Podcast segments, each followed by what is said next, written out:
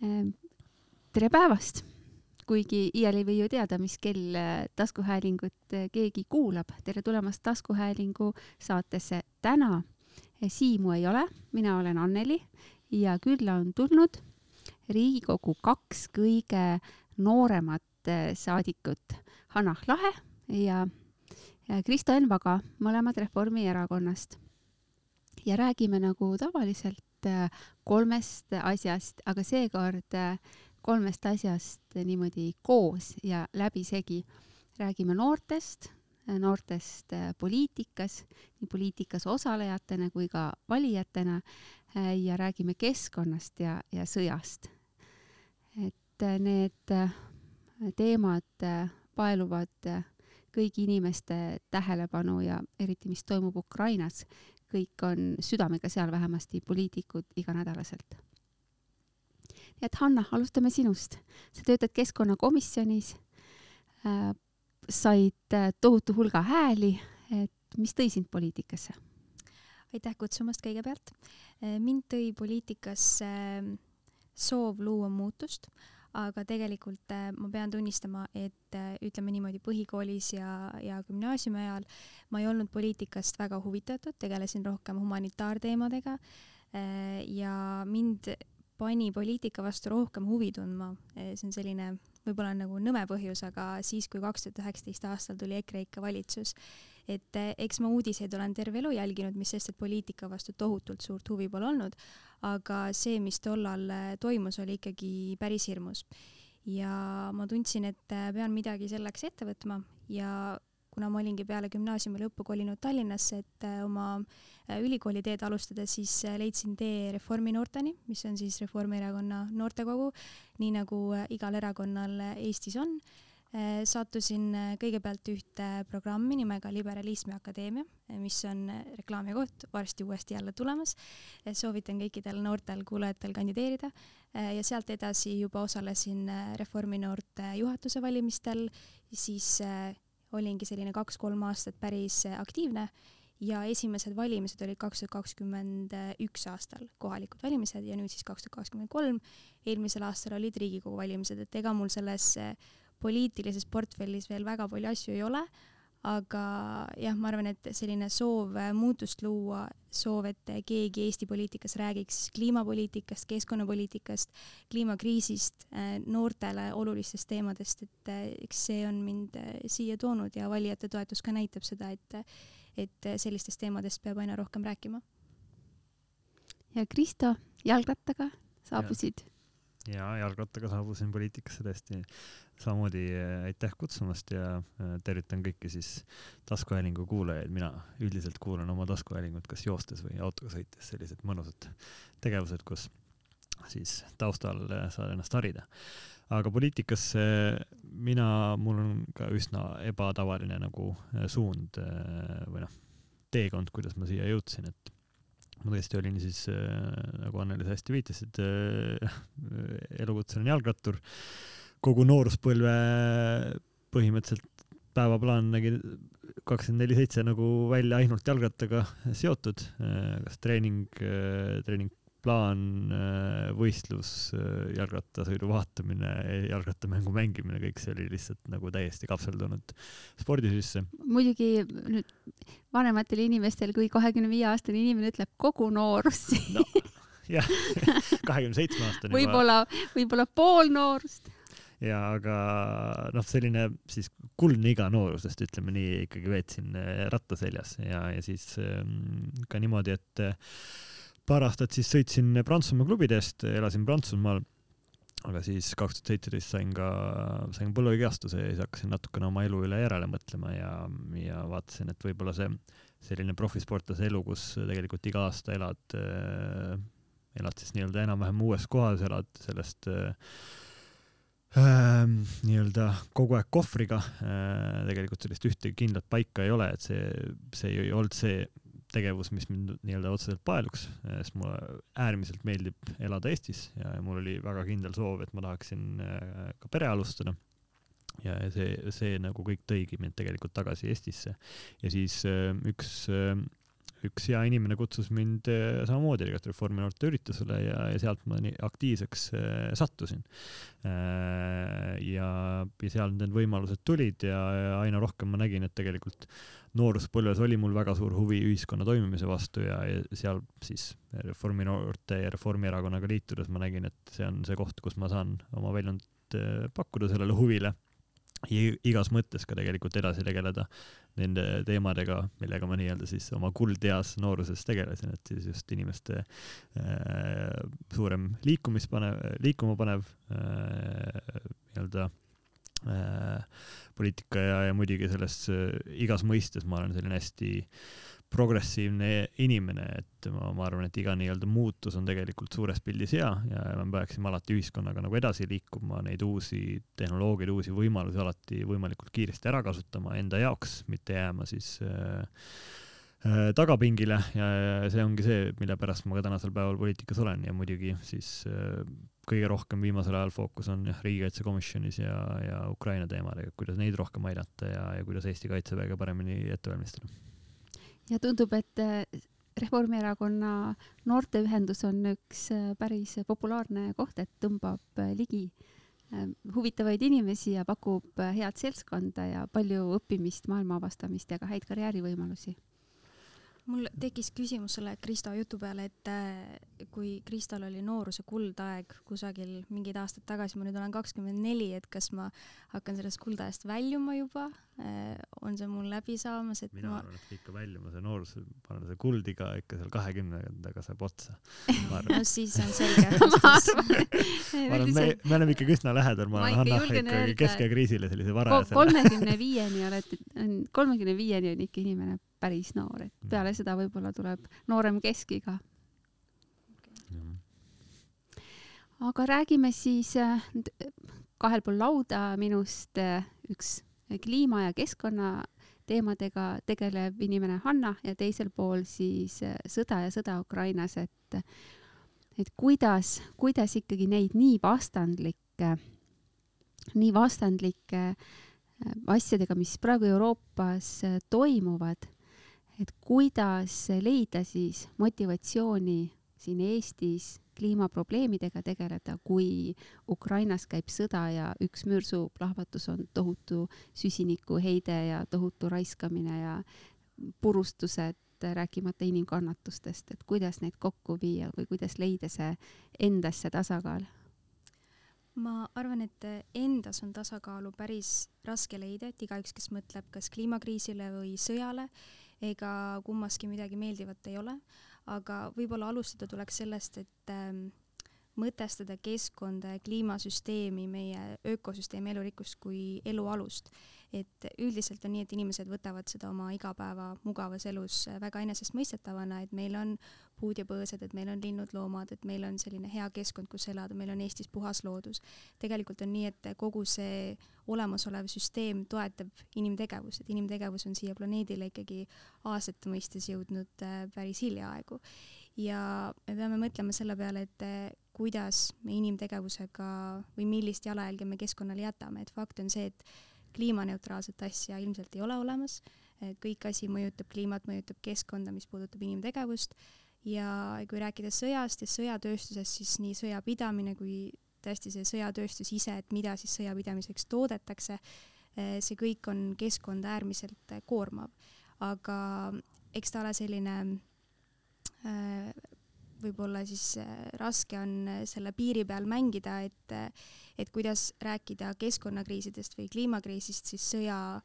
kontekstis, kontekstis või sõja taustal, et tegelikult kui me räägime sõjast, me mõtleme ikkagi inimeludest, me mõtleme julgeolekust, enda vabadusest, et sinna kõrvale tuua erinevaid näiteid, nagu Ukrainas oli Kahovka tammi juhtum või, või kuidas Venemaa praegu ähvardab Ukrainas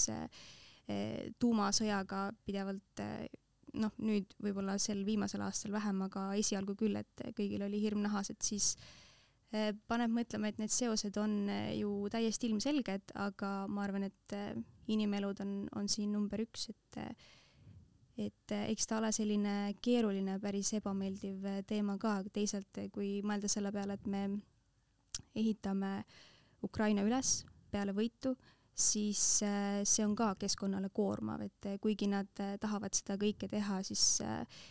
rohelisemalt, säästlikumalt, jätkusuutlikumalt, siis tegelikult nii sõjapidamine ise kui ka kõik, mis sellele hiljem järgneb, sellel on keskkonnale tohutult tohutult suur koorem ja, ja ma olen nõus sellega, et meie siin räägime näiteks prügimajanduse parendamisest ja siis Ukrainas on sõda, mis, mis kliimat ilmselt siin Eestist palju rohkem mõjutab aga, aga kliimakriisi kontekstis tuleb vaadata globaalset pilti, et muidu ei jõua väga kaugele. jah, see on kindlasti neid, need on kaks teemat, mida nii-öelda vastandada üksteisega ei, ei tasu, et see ei ole kuidagi kuidagi nagu kumbagi, kumbagi teema nii-öelda tähtsust või, või sellega tegelemist tegelikult ei aita, eks ju, kui me neid hakkame üksteisega vastandama, aga noh, selge on see, et Ukrainas tõesti siis tänasel päeval noh, see, mida mida venelane teeb, niisiis noh, noh, see mõju, mis on sellele mitme tuhande kilomeetrisele rindejoonele nii-öelda nende raskeveokite mõistes, need sajad tuhanded mürsud tegelikult jah, tõesti tuumarelva ta ei ole kasutanud,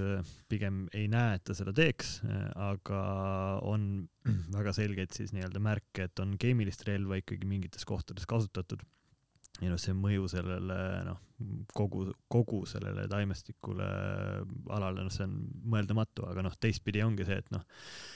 me ei saa kuidagi eeldada, et, et siis ukrainlased proovivad sõdida nii, et siis kuidagi oleks kliimale äh, kasulik, et, et see, see ei ole ka, eks ju, kahjuks ähm, kuidagi võimalik tänasel päeval, et seal on ainuke üks probleem ja see probleem on see, et võimalikult kiiresti kõik Vene sõdurid äh, Ukraina aladelt äh, välja saada ja siis täielikult taastada siis äh, Ukraina äh, suveräänsus. et see on nagu esimene, esimene eesmärk, mis tuleb ära täita, kõik muu on noh, kõik muu on teisejärguline. Mhm, on, on teisejärguline need äh, siis tõesti inimeste nii-öelda elamistingimused, tingimused, haridus, kõik kahjuks on see teise, teisejärguline, eks ju, et muidugi nende teemadega tegeletakse, kõik muu, aga, aga see on, see on riik jah, mis täielikult on üheks eesmärgiks praegu mobiliseerinud ennast ja meie peame seda sellel äh, teel aitama, et ükskõik mis nii-öelda relvi kasutades selles mõistes, et, et see eesmärk saaks täidetud, sest kui, kui seda ei ole, ega siis äh, noh, teistpidi, et kui me ait-, proovime niimoodi aidata neid, et äh, seame neile ette mingid tingimused, et ärge, ma ei tea, ärge midagi tehke, siis juhtub see, et siis äh, venelane võidab ja siis ta võtab selle Ukraina suures osas üle ja noh, eeldada see, et venelane siis ehitaks üles Ukrainat, mis oleks kuidagi keskkonnasõbralikum kui Euroopa Liit, noh, seda tõenäoliselt ei juhtu, eks ju. et see, seda kellegi peas, peades ei ole. ehk siis noh, see ongi lihtsalt see eksistentsiaalse noh, kliimakriis on ka eksistentsiaalne küsimus, aga lihtsalt see aja, ajaraam, see eksistentsiaalsuse nii-öelda reaalsuses on kindlasti sõjal nagu oluliselt äh, lähemal äh, kui, äh, kui tänasel päeval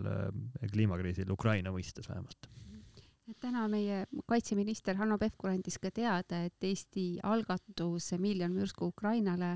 ei, ei saa küll täidetud nii kiiresti, nagu algselt plaaniti, kuid siiski miljon mürsku Ukrainasse jõuab Euroopa Liidu riikidelt? see jõuab, noh, ikkagi noh, niimoodi omavahel rääkides on ikkagi see ja kõikide teie kuulajatega on ikkagi äärmiselt kahetsusväärne, kuidas tegelikult Euroopa Liit ei ole suutnud eh, oma siis kaitsetööstust eh, tööle panna just kogu, kogu meie Euroopa Liidu mõistes, et see ei ole ju ainult riikide mõistes või et üks mingi konkreetne riik annab, et see on kogu EL-i kahekümne seitsme riigi peale me ei ole suutnud äh, samaväärselt toota, nagu Venemaa suudab toota. Ja näiteks äh, kõige mar-, selline markantsem näide on eelmisest aastast, kui äh, siis Eesti Kaja valitsus ja Hanno juhtimisel on noh, väga häid samme teinud Eesti kaitsevõime tugevdamisel. Eelmisel aastal me ostsime suurusjärgus seal mingi kahesaja miljoni eest suurtükimürske ja reaalselt summa summarumina olime meie äh, Euroopa Liidu kõige suurem äh, mürsutellija, Eesti, väike Eesti, äh, kahesaja miljoniga. see näitab seda, et kui see mm -hmm. urgentsuse taset nii-öelda nendes Lääne-Euroopa suuremates riikides, et tegelikult ei saada aru, et reaalselt võib sõda puhkeda Euroopa Liidu vastu ja see võib reaalselt juhtuda samamoodi, nagu on Ukrainas juhtunud, ehk siis konventsionaal, konventsionaalselt ja see tähendab seda, et et äh, ikkagi peab vastast mõjutama nagu väga pikaaegselt ja, ja väga ulatuslikult siis just äh, suurtükkidega äh,, et äh, selliseks rindelahinguks läheb ja noh, see on, see on väga nii-öelda suuri ressursse nõudev tegevus mm. -hmm kuidagi kipub ära ununema, et üks antiikne juht Solon neli tuhat aastat tagasi ütles, et kuri pääseb lõpuks kõige tagumisse tuppa. noh, kuigi teise maailmasõja ajal ju pääses kuri kõikidesse, peaaegu kõikidesse või vähemasti enamusesse Euroopa Liidu riikidest, ikkagi ta on nüüd ainult ühe inimpõlvega ununenud ära, et kuri pääseb kõige tagumisse nurka. et parem on, parem on eesukse juurest tagasi lüüa. aga sul, Hannah, tuli üks jaa, te juhatasite mõlemad sisse ühe sellise mõtte, mis ma tahtsin öelda, et tegelikult kui rääkida sõjast ja kliimakriisist, siis üks hästi tugev paralleel nende vahel on veel see, äh, nagu sa viitasid, on inimeste mugavus. et äh, kõik, mis on praktiline, toimub täna, homme, ülehomme, see on justkui siis selline asjakohane, aga pikem perspektiiv, no ütleme ka nii poliitikutel kui tegelikult tavainimesel, et see kuidagi ei ole meil meeles, et enne kui pole meiega juhtunud, siis asja pole justkui olnud. et eh, kui mõelda sõja peale, siis ega paljud eh, ka Euroopa Liidu riigid siiani ei võta seda sama tõsiselt kui meie. kliimakriisi mõistes meil ei ole Euroopas ka nii kohutavalt suuri kriise, jah, meil on kuumasurmad, meil on olnud üleujutused, meil on äh, energiaga olnud väga palju probleeme, aga kuniks ütleme näiteks Eestis ei ole midagi juhtunud, siis ma arvan, et see poliitiline foon on võib-olla ikka natuke pooleks, et et ah, et kliima ja rohepööre ja nii palju raha kulub sinna ja miks me teeme seda, kõik on peale sunnitud ja et äh, enne kui pole endaga juhtunud, siis äh, ega väga palju ei mõelda, ega energia mõttes, et äh, enne kui Venemaa sõda Ukrainas algas, siis me rääkisime ka energiajulgeolekust, aga mitte kunagi pole see olnud nii terav, nii aktuaalne kui siis peale sõja algust, et siis me tõesti tõmbasime kogu Euroopaga juhtme välja nii palju kui võimalik ja nii kiiresti kui võimalik, aga eks ta ole selline inimkonna mugavus ja, ja paratamatus, et ei tahaks nii öelda, aga ma arvan, et noh, näiteks meie erakond, siis Reformierakond on ju ka tulevikuerakond ja, ja selliseid otsuseid poliitikas peab tegema lihtsalt mõeldes väga pika perspektiivi peale. et korraks on ebamugav, aga hiljem, nagu sa ütled, kui see kurjus pääseb kõige tagumisse tuppa, siis on veel väga palju ja, ebamugavam. see on väga hea nii-öelda mõte, mille Hannas siia tõi ja tegelikult minu arust see paralleel ongi seal sama, et noh, mis mõned inimesed on ka öelnud, et noh, kui see sõda algab, küll siis ostame selle laskemoona et äh, miks me praegu ostame neid laskemoonaladusid täis, et me,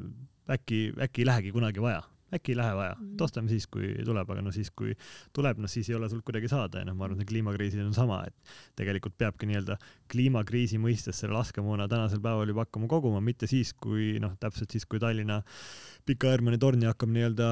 siis äh, Põhjameri jõudma, et äh, noh, mhm. see ongi see on teema, millega peab igapäevaselt tegelema, enne kui nii-öelda päriselt maja põleb ja ma arvan, mis äh, meie põlvkonnal, minu ja Annahi põlvkonnal ongi, ma arvan, saavad sellest natukene paremini aru, sellistest eksistentsiaalsetest äh, nagu küsimustest ja, ja ma väga loodan, et noored oleksid rohkem aktiivsemad ja räägiksid kaasa. See annaks siis omaenda tuleviku täpselt omaenda tuleviku eest ja, ja nügida neid äh, poliitikuid igas mõistes, igas, igas nagu pealinnas, igas, igas kohas, et tegelikult neid teemasid nagu et otsuseid teha mitte selle nii-öelda selle nädala perspektiivi mõistes, vaid natukene pikemas ajaraamis. või mitte nelja aasta. jah ja meil seisavad äh, varsti ees, meil, ma räägin, poliitikutel ja valijatel ka Euroopa Parlamendi valimised ja ma arvan, et äh, seal üheks keskseks teemaks ikkagi tõusetub rahu Euroopas, sest Euroopa Liit algselt oli ka ju rahuprojekt, et äh, teraseühendus peale teist maailmasõda. Ja ma arvan, et nendel valimistel kujuneb põhiteemaks, me saame palju veel rääkida ja loodetavasti siis peale valimisi äh, ka Euroopas rahu kaitseks äh, relvatööstus ja kaitsearmeede tugevdamine, laskemoonatööstus hakkab rohkem arenema ja Ukraina sõda, ma arvan, on Euroopat liitnud kõvasti, kui nüüd välja arvata paar riiki, keda me hästi teame, et siin Slovakkia ja Ungari. -hmm. ja see ongi, ma arvan, Europarlamendi valimistel tuleb väga selgelt eh, noh, eh, me Eestis ei ole kunagi nii-öelda Euroopa armee toetajad olnud, aga, aga nagu sa ilusti viitasid, siis ju Euroopa Liit ikkagi sellise äh, rahufunktsiooni täitja pidi algselt esimesest päevast olema. ja ma arvan, tänasel päeval ongi tegelikult nagu noh, see, see meie äh, Eesti siis see ühe miljoni mürsu initsiatiiv tegelikult näitas selle kitsaskoha kätte ja see on selline väga tõsine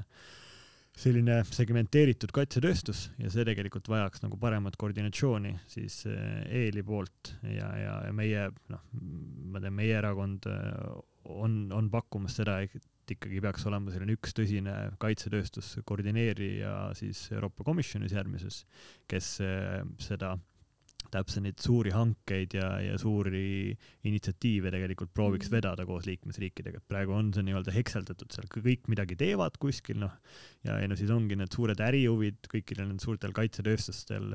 et ja no siis kaitsetööstuses kohe läheb selliseks täielikuks protektsionismiks, kui sa oled äh, Saksa või Prantsusmaa äh, poliitik, et siis sa ainult kaitsed oma kaitsetööstust ja no siis see noh, tegelikult see ei mhm. aita kedagi, et äh, lõpuks oleme ikkagi, et kui ühte riiki rünnatakse, siis tegelikult rünnatakse kõiki. -hmm. et kas sa arvad, et kui Euroopa Liidul on praegu ühine keskkonna ja põllumajanduspoliitika, et äh, tuleb ühine kaitsepoliitika peale valimisi? no e-, Euroopa Liidul on ühine julgeoleku ja välispoliitika, aga äh, ka tänasel päeval juba. aga ma arvan, et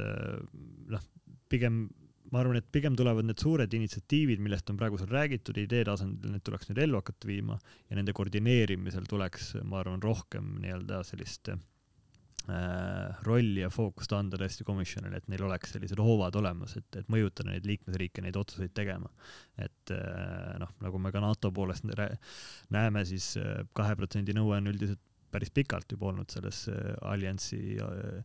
lepingutes kirjas, aga kõik ei ole selleni endiselt jõudnud. noh. Vilniuses eelmine aasta räägiti, et oh, et tõstaks selle kahe koma viie peale, aga siis saadi aru, et noh, tegelikult väga vist ei ole pointi, kuna paljud riigid ei ole veel isegi kahe protsendini mhm. jõudnud, jõudnud. ja mitte kõik Euroopa Liidu riigid ei ole ka NATO liikmed. seda muidugi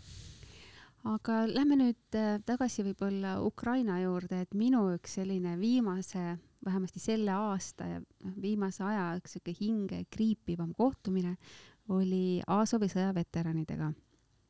ja siis äh, kaks inimest olid seal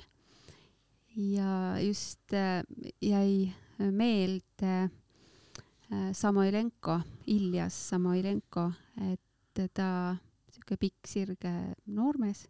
ja vasak käsi oli tal puudu ja ka üks silm oli puudu ja ta oli äh, ajaloolane, rääkis täiesti laitmatus inglise keeles äh,. oli läinud äh, rindele kahe tuhande viieteistkümnendal aastal, siis Aasovi äh, tehastes äh, kaitsnud Mariupolit lõpuni, langenud sõjavangi, sada kakskümmend päeva veetnud üksik äh, kongis ja ta oli kahekümne üheksa aastane,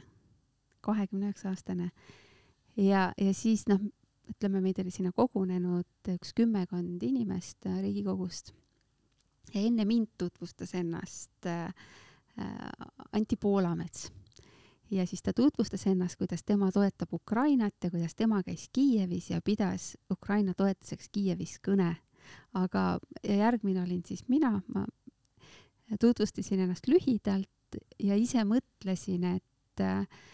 üks siis viieteistkümnest allkirjast, mis on äh, kaebusel Riigikohtule, et tühistada kolm rahvusvahelise abi äh, lepingut Ukrainale, milles noh, Eesti veab eest sõja esimesest päevast rahvusvahelisi abiprojekte Ukrainale, sellepärast enamasti need panused jaotatakse kogu rahva tulu alusel. Eesti kogu rahva tulu on null koma kakskümmend neli protsenti Euroopa Liidu kogu rahva tulust ehk meie paigutatud eurod äh, Ukraina mõistes, kui meil õnnestub see koostöö luua, võib neljasajaga korrutada ja seetõttu meil praegu tegelikult äh, Riigikohtus ootavad oma otsust äh, Äh, Ukraina abilepingud miljardites eurodes, mis tõesti noh, miljardites eurodes see abi hakkab nagu mõjuma Venemaa vastu. Ja, ja, ja me siin nagu vaidleme, et kas kõik saavad oma ettepanekute poolt hääletada, mis üldse selle lepingu sisusse ei puutu ja Ukrainas inimesed surevad ja noored inimesed on kaotanud käed, silmad siis ja siis mina selle kohtumise käigus tegin ikkagi mõeldes, et mida mina saan veel Ukraina heaks teha, ikkagi kaks otsust poole tunniga, et mida, mida ma saan teha ja teen. mis need otsused olid? Need tulevad varsti, saavad varsti avalikuks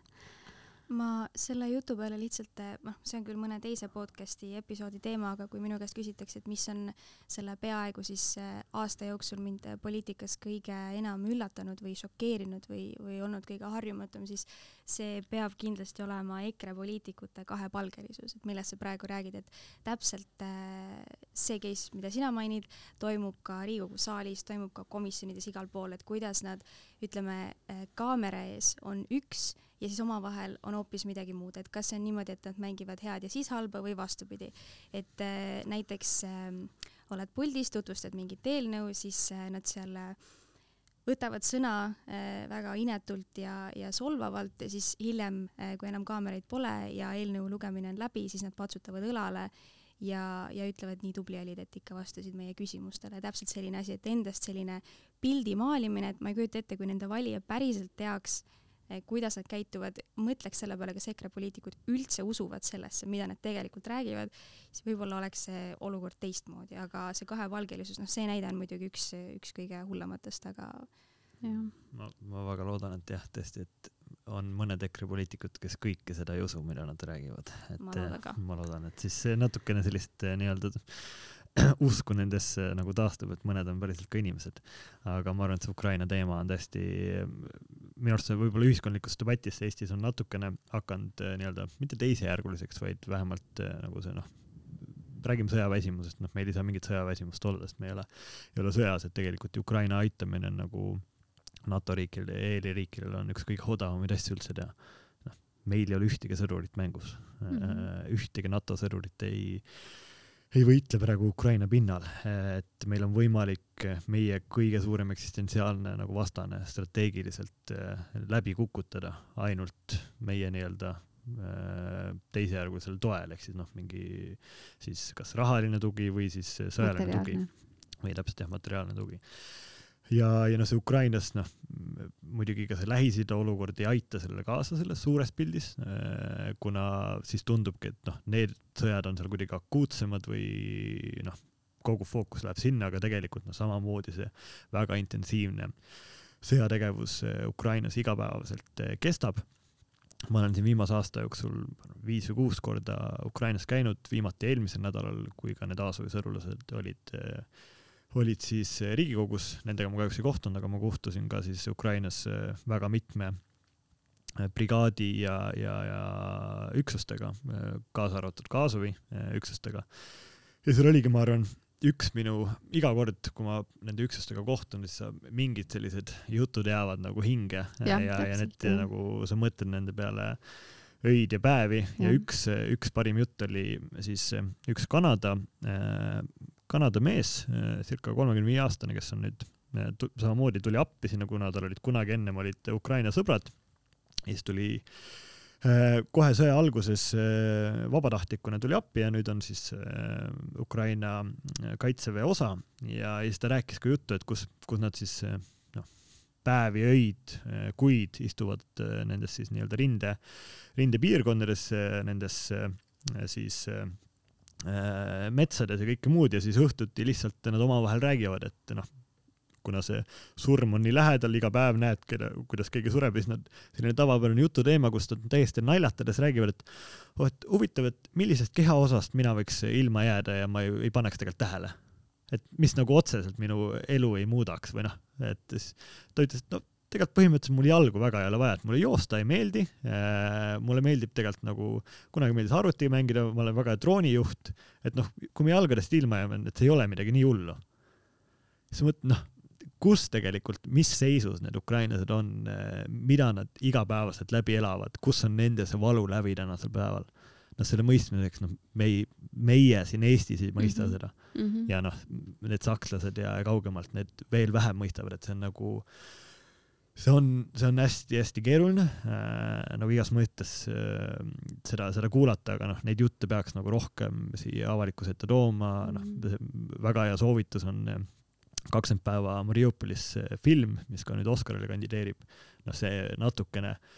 siis seda Mariupoli olukorda, linna, mida enam ei ole, äh, tegelikult nii-öelda väljendab, et noh, kui jõhker tegelikult see sõda seal on, et noh, need terroristid seal Venemaal, neid ei huvita mitte miski ja noh, samamoodi ta rääkis, üksused rääkisid seda, kus nad on korduvalt näinud seda, kus eh, siis see Vene pool, eh, Vene rinde siis nii-öelda teine joon laseb eh, oma mehi esimest rindejoont, kes hakkavad taganema maha, sest nad taganeda ei tohi. oma inimesed, venelased tapavad venelasi, kuna need hakkavad taganema selline on noh, ja see ongi see, mida ka Kaja on väga hästi kuskil öelnud mingites intervjuudes, et kui me mõtleme, kuidas Putin mõtleb, ärge mõelge, et nagu Putin mõtleb kuidagi sellise, sellise samasuguse nagu inimesena meie. nagu meie mm. -hmm terrorist, me ei ole keegi terrorist, me ei saa, me ei suuda mõelda nagu terrorist. et, et seda peab täiesti teistmoodi mõtestama. ehk siis äh, aitame Ukrainat nii kaua, kuni vaja, kuni võiduni ja edasi ma arvan ka, et see isiklike lugude rääkimine on hästi oluline, sest kõik ei ole paraku käinud Ukrainas, sinna ei ole tegelikult ka noh, ütleme sellist nagu me ei hakka ju sõjaturismi, eks ju, korraldama sellepärast, et inimesed näeksid, milline sõda on, aga mul on äh, äh eelmisest äh, või siis üle-eelmisest kliimakonverentsist COP kahekümne seitsmes, kus ma olin ise Eesti noorte kliimadelegaat, äh, hästi mitu head tuttavat äh, Ukraina, Ukrainast. ja ähm, noh, ütleme nii, et kui nendega suhelda, siis elu läheb ikkagi edasi. Nad on sotsiaalmeedias näiteks väga aktiivsed. üks tüdruk, Valeria, elab siis sellistes varjendites pidevalt päevast päeva, kuna ta on Kiievist pärit, elab seal, ei tahtnud lahkuda. Elu läheb edasi, ta räägib, kuidas, mis seal toimub, mõni päev postitab, näed, et siin kilomeetri kaugusel oli pommirünnak ja nüüd mina siin olen niimoodi, hea, et pihta ei saanud, noh, loodame, et kõik läheb ikka kenasti, täpselt selline, see on nende jaoks juba tavaelu tegelikult. ja endiselt eh, toimuvad kliimastreigid, endiselt räägitakse keskkonnaohust, et nad kohtusid ka äh, Äh, Zelenskiga ja kohtumisel oli ka Greta Thunberg tegelikult, nii et äh, noh, kui mõelda selle sõja ja, ja keskkonnakriiside paralleeli peale, siis tegelikult see ikkagi toimub, et kõik Ukrainas teevad tööd selle nimel, et, et need äh, sõjast mõjutatud aspektid oleksid kõik tähtsal pulgal, aga ma olin ka eelmisel aastal siis Euroopa Nõukogu Parlamentaarses Assamblees, meil oli täiskogu istung Strasbourgis ja seal oli üks terve pikk, pikk Äh, selline paneel pühendatud siis äh, teemale, äh, kuidas Venemaa röövib Ukrainast lapsi. Ja, ja siis nii-öelda koolitab nad ümber propagandaga venelasteks põhimõtteliselt ja, ja seal kohapeal oli üks kolme lapse isa ka Ukrainast, keda hoiti kinni, siis ta oli kuskil vangis, tal polnud ühendust kellegagi, lõppude lõpuks kõik läks kenasti, et ta sai lapsed tagasi aga see, mis äh, ta lapsed rääkisid, et Venemaal oli toimunud, see oli niivõrd kohutav lihtsalt. ja mina lihtsalt mõtlen äh, selle äh, viisi peale, kuidas venelased kõike seda teevad, mida nad teevad, et täpselt, et isegi ei oska nii mõelda. aga ma arvan, et kui me siin enne rääkisime sellest eksistentsiaalsest ohust, et siis on huvitav mõelda, et tänapäeva noored, me mõtleme kliimakriisi peale päris palju, aga see sõjaoht tundub nagu meist päris kaugel olevat, et ühelt poolt jah, Eestis kõikidel on näiteks keegi kuskil tuttav, kes on äh, küüditatud, kelle vanemad, vanavanemad olid, et meil on nagu selline ajalooline mälu olemas, aga mõeldes nagu täiskasvanute peale, siis see ajalooline mälu on ikkagi suhteliselt lühike. et asjad juhtuvad, aga me ei taha nendeks ette valmistada ja ma arvan, et mida rohkem selliseid isiklikke kogemusi ja lugusid rääkida, seda enam see toob kogu selle äh, sõjatemaatika inimestele lähemale ja see sõjaväsimus äh, võiks üle minna, et meil ei ole ju sõda siin tegelikult nii, nagu Kristo ütles, et äh, ei ole millestki väsinud olla. ei ole täpselt. tegelikult ei ole millestki väsinud olla. väsinud, et toetamisest, rääkimisest, et äh, see on rääkimisest selline, väsinud onju. aga kas Greta Thunberg on pääsenud ka Putini jutule? ei. Äh, ühelt poolt oleks huvitav, kui ta seda teeks, teiselt poolt ma arvan, et see annaks väga vale sõnumi, et agressorriigi presidendiga kohtumine, noh jah, eriti, eriti selles mõistes, mis äh, täna toimub, et äh, võib-olla no ei, tegelikult. noh, tema puhul ma täitsa kujutaks ette, et nähes, olles näinud tema neid väljaastumisi, et ta noh, üldse nagu noh, tal on ainult see oma asi, ta noh, ei, ei vaata, kellega ta kohtub, et ta võiks täiesti vabalt äh, Putini niimoodi. Ta võiks, aga ma mõtlen selle sõnumi peale ikkagi, et Gretal on miljoneid noori jälgijaid ja, ja võib-olla see ei anna ikkagi seda tulemust, mis, mis sealt võiks tulla. ja ma arvan, et eh, kui mina oleksin Greta, siis mina ei läheks Putiniga kohtuma, et, et neid eh, jõuhoobasid, mida tõmmata mujalt maailmast on, on niivõrd palju, et eh, jah, ma arvan, et asi pole ka võib-olla nii väga Putinis kui selles, kuidas Venemaa on ajalooliselt olnud terve aeg, et ega neid suured sellised asjad ei huvita peale, peale enda riigi ja, ja selle, et kuidas saaks võimuliini jätkata, et ähm, võib-olla see on selline kaotatud võitlus, kuigi on kahju, aga. aga Kristjan, ma tean, et või ütlesid, et käisid alles eelmine nädal äh, Ukrainas ja sul oli plaanis rääkida droonidest ja droonisõjast mm. -hmm. et kas äh,, äh, miks Äh, droonid on sõjas nii olulised ja mida nendega teha saab, mida ei saa? ja äh, tõesti eelmine nädal, siis me käisime äh, siis Help üheksakümmend üheksa nii-öelda organisatsiooniga ja seekord viisime ka siis circa kuuesaja tuhande euro väärtuses äh, siis äh, sõidukeid ja droone äh, Ukraina üksustele, kuusteist sõidukit ja, ja hulganisti droone, mida siis üksused saavad kasutada rindejoonel ja noh, see see droonisõda, äh, mis seal toimub, on noh, täiesti noh, see on äh, noh, sellist, äh, sellist droonisõda pole, pole maailmas veel nähtud, nagu siis Ukraina-Vene sõjas praegu toimub. ja minu arust kõige parem näide selle nii-öelda teema sissejuhatamiseks on samamoodi ka, et üks Azovi, Azovi üksuse liige, kes kes laupäeval läks tagasi rindejoonele ehk siis paar päeva tagasi äh, ja ta just rääkis, et äh, paar nädalat tagasi nende üksus siis nelja päeva jooksul äh, kahe viiesaja eurose drooniga siis nii-öelda hävitas kaks kahe miljoni eurost tanki et noh, see ongi see nii-öelda tegelikult mhm. võtab selle kogu selle droonipidamise tänasel päeval kokku et kuidas, kuidas need sellised väga agiilsed, väga kiired, üsna paljud on tegelikult sellised täiesti kommertsdroonid, mida kasutatakse, mida me saame ise, ise poest osta, need ei ole militaareesmärkil ehitatud, aga nendele pannakse siis juurde erinevad toredad lisad või mingid nii-öelda saadetised, mis siis saadetakse vaenlase poole. Ja, ja, ja nendega on tõesti nii noh, need on nii täpsed äh, ja, ja sa ise juhid seda äh, ja, ja need on tegelikult mõjutanud täielikult seda sõjapidamist tänasel päeval ja need on need õppetunnid, mida tegelikult nüüd proovitakse Eesti kaitseväkke ja muidugi kogu äh, Euroopa kaitsevägedesse nii-öelda üle võtta, et meie oleksime paremini valmis selleks, sest noh, see droonisõda, ma arvan, aina rohkem areneb järgmistel äh, aastatel ja noh, samamoodi üksused rääkisid ka, kui nad seal samamoodi on siis nendes äh, kaevikutes, metsades kõige, kõige õudsem hääl, mis nad ütlesid, äh, mida kuulda on, on see tss, see drooni hääl, sest sa kunagi ei tea, kas see on sinu oma või see ei ole või see on vastase oma. no ei, ei, kui see on meie kohal, siis see on ikka meie oma aga sa ei tea mitte kunagi ja, ja nad samamoodi nad ütlesid, et nad näevad, kui äh, kui hästi saab drooniga mõjutada vastast äh, ja, ja siis äh, siis nad ju teavad täpselt samamoodi, et kui, kui hästi suudab venelane seda ära kasutada ja venelane on selles väga heaks äh, muutunud ja on samamoodi see selline elektrooniline sõjapidamine, mis siis puudutab kõiki nii-öelda siis äh, neid nii-öelda segajaid, see on, see on ka jälle hästi suured sammud edasi astunud. et noh, igapäevaselt põhimõtteliselt tänasel päeval on nii, et Ukrainas või noh, mõlemal poolel rindejoont ei lähe rühma tasemel, ei minda välja, äh, kui sul drooni ei ole kaasas, et äh, see on selline hügieeni osa äh, tänapäevases sõjapidamises. ja noh, ongi, kuidas me oleks noh, Eesti samamoodi, meil ei ole raha, et tankibrigaadi üles ehitada, aga meil tegelikult oleks raha, ma arvan, nagu väga äh, tipptaseme mõistes äh, sellist drooniüksuseid üles ehitada ja droonistrateegiat üles ehitada ja, ja ma väga äh, usun, et see on see, mida Kaitsevägi järgmistel aastatel teeb. Äh, mina ise proovin seda siis ajada koos heade kolleegidega riigikaitsekomisjonis, et need on, noh, need kao ära, need aina, aina süvenevad et kui tõesti noh, see nii-öelda, kui me räägime investeeringutes nii-öelda sellest ROI, et, et kui palju seda invest-, nii-öelda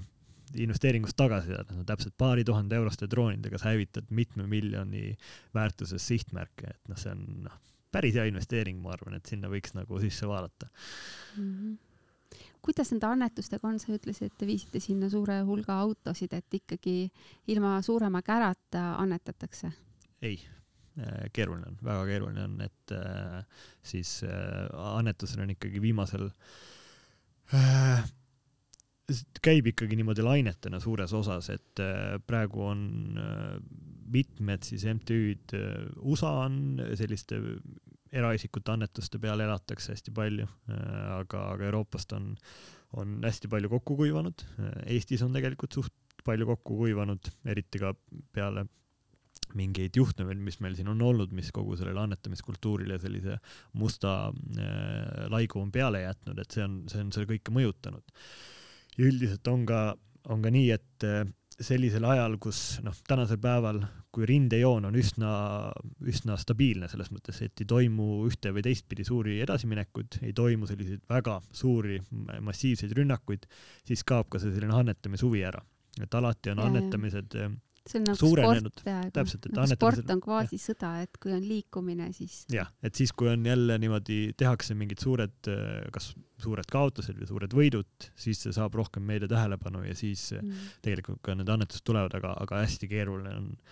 just eraisikute poolt ka, et, et neid annetusi koguda, kogutakse, noh, see on nüüd üks MTÜ, kellega ma olen nagu lähemalt koostööd teinud, aga ma olen ka teistega suhelnud, et ikkagi kogutakse nagu kümne euro kaupa enam-vähem et, et suured, suured rahad on ikkagi äh, ära kadunud ja noh, see samamoodi noh, Lähis-Ida on, on kogu mm. asja tegelikult globaalses mõi-, mõistes enda alla võtnud. ma olin siin novembri lõpus olin äh, USA-s nädal aega ja noh, vaatasin USA-s erinevaid äh, siis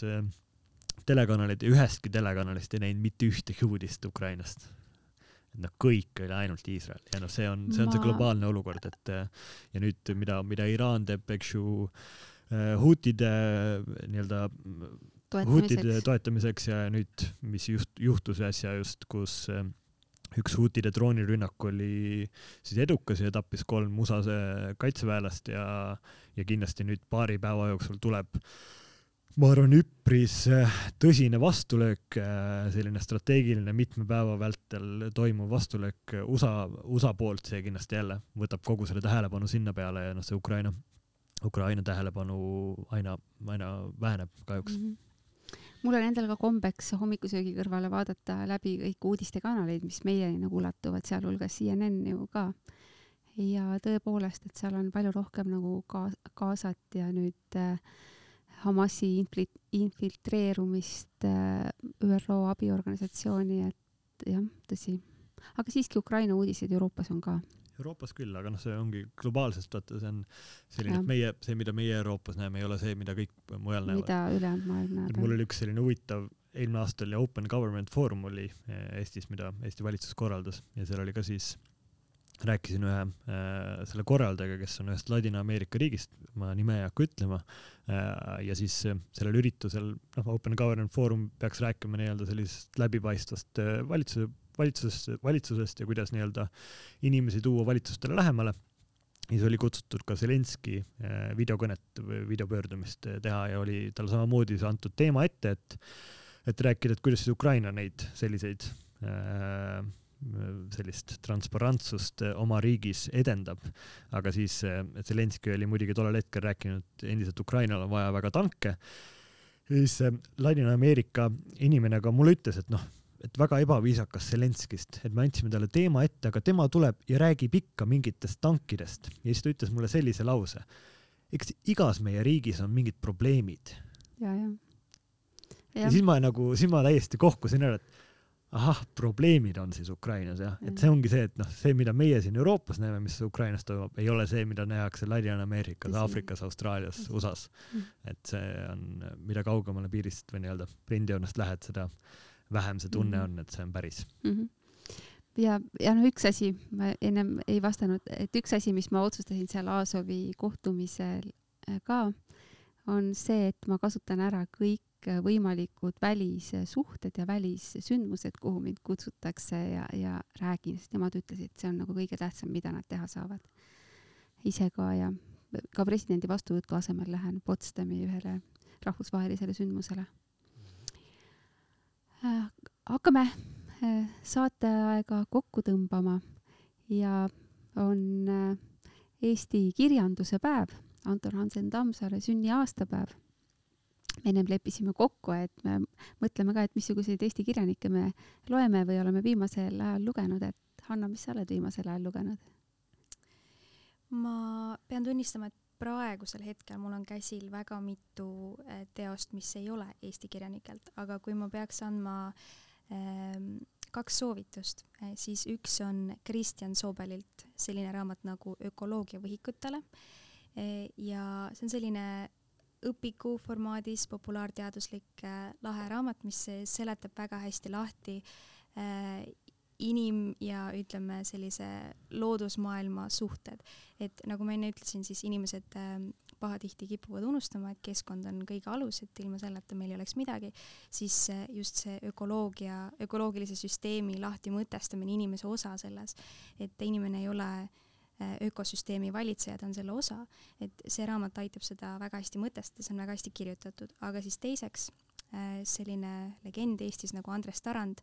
Äh, soovitan tema nime lihtsalt äh, guugeldada äh, ja sealt leiab väga-väga palju erinevat teaduslikku materjali, mida ta on pannud kirja nii sel sajandil kui ka eelmisel ja kus ta mõlemal juhul siis tegelikult ka rõhutab seda, et kliimamuutused on päris suur probleem ka Eesti jaoks. Ometigi siis ta on ka olnud poliitikas, seda kliimasõnumit ei ole nii tõsiselt võetud, millest on väga kahju aga jällegi ilmestab seda, et inimeste mälu on lühike ja enne kui pole meiega juhtunud, siis ei ole üldse juhtunud. ja, mis sa lugesid, Kristjan? minu Eesti siis kirjanikest viimane selline lemmik on, ta ei ole küll nii-öelda esimese asjana tuntud kirjanik, aga on Jaan Aru eh, siis ajuteadlane ja tema kirjutatud siis loovusest ja lugelemisest, mis peamiselt siis keskendub sellele, et kuidas ka äh, või noh, peamine fookus on, et kuidas lapsi äh, tänasel päeval kasvatada sellises nutimaailmas ja ekraanide maailmas, et mul on ka üks äh, kahe poole aastane tüdruk kodus, kellele aina rohkem meeldivad erinevad sädelevad asjad ja, ja liikuvad asjad, et, et kuidas selles nii-öelda võitluses äh, siis lapsevanem, laps ja ekraan siis, et lapsevanem täielikult ei kaotaks oma positsiooni seal ära, et see on selline hea õpetlik ja raamat, kus paneb ennast ka nii-öelda rohkem reaalselt nii-öelda proovile, et, et on kindlasti väga lihtne tee nii-öelda lapsi kasvatades minna see, et annad ekraani kätte ja küll ta siis äh, tundideks on rahu ja vaikus. aga tegelikult see kõige mõistlikum ei ole nii-öelda lapse kasvu, mm, kasvueas igas mõistes, et äh, see on, see on ainult vahend, mitte nii-öelda eesmärk või no mitte siis nii-öelda sihtkoht, äh, mida peaks laps tegema ja õnneks mina lapsevanemana, suurte laste vanemana ei pidanud võitlema äh, värviliste ekraanide ja multifilmidega. sina pidid siis, et liiga palju taheti õue minna? jah, seda küll, porilõikudes puperdamisega pidin mina võitlema. et enne kui äh, viimase riidesse said, oli esimene juba porilõigus pikali, et võis juhtuda, et jääb lühikeseks, jäi lühikeseks õueskäik. aga mina ise mulle väga meeldib lugeda ja üks minu meelispuhkusi on ikkagi eh, diivani peal raamatuga aega viita. ja ma, ütleme, keskkooli ajal oli üks mu täiesti selgelt lemmikraamat oli Viivi Luige Seitsmes rahukevad. seda ma olen kohe mitu korda lugenud ja loen siiamaani, kui midagi Viivi Luigelt äh, ilmub. aga niimoodi endavanustest autoritest mulle näiteks väga meeldib äh, Mehis Heinsaar, see müstiline, müstiline ja realism. Ja, ja siis mulle meeldib näiteks Maarja Kangra ka ja tema novellid ja sihuke eneseiiroonia ja, ja kui palju äh, eluloolisi raamatuid või eluloo ainetel raamatuid tihti nad lähevad nagu eneseõigustuseks ja hästi palju kordusi, hästi palju eneseõigustust, äh, no mis ei ole nagu väga kaasakiskuv, siis Maarja Kangro need ka oma eluloo ainetel, näiteks see Klaaslaps, et ta oli ikka nii nagu esiteks ta oli väga hingekriipiv ja, ja traagiline lugu, aga ta oli kirjutatud ka nagu, nagu ikkagi tõeline kirjandus, et enne raamatut käest ära ei pannud, kui, kui see läbi oli. jah ja äh, Afanassiumi Äh, siis Serafima Bogdan kiskus mind väga kaasa, lugesin veel selle piirkonna kohta. pärast seda olen igal aastal teinud ühe treti Peipsi äärde ja vaatan neid kohti ja mõtlen nende lugude peale. et kirjandus ja eriti uus kirjandus on väga huvitav. Tõnu Õnnepalu. et ta nagu, Tõnu Õnnepalu just publitsistina, et ta vaatab veidi eemalt meie Eesti elu et meie ju tipp-poliitikutena oleme selle elu keskmes ja ei näe ennast eemalt, siis Tõnu Õnnepalu lugedes ikkagi väikselt distantsilt väga hästi kirjutab, väga elutargalt ja südamlikult ja avatult. et äh, lugege eesti kirjandust, head eesti kirjanduse päeva. ja tänane saade äh, võib-olla läks rohkem Ukraina poole kaldu, aga meil praegu siin läheb kõik Ukraina poole kaldu, niikaua kui see sõda seal ei lõpe. Kuuleme jälle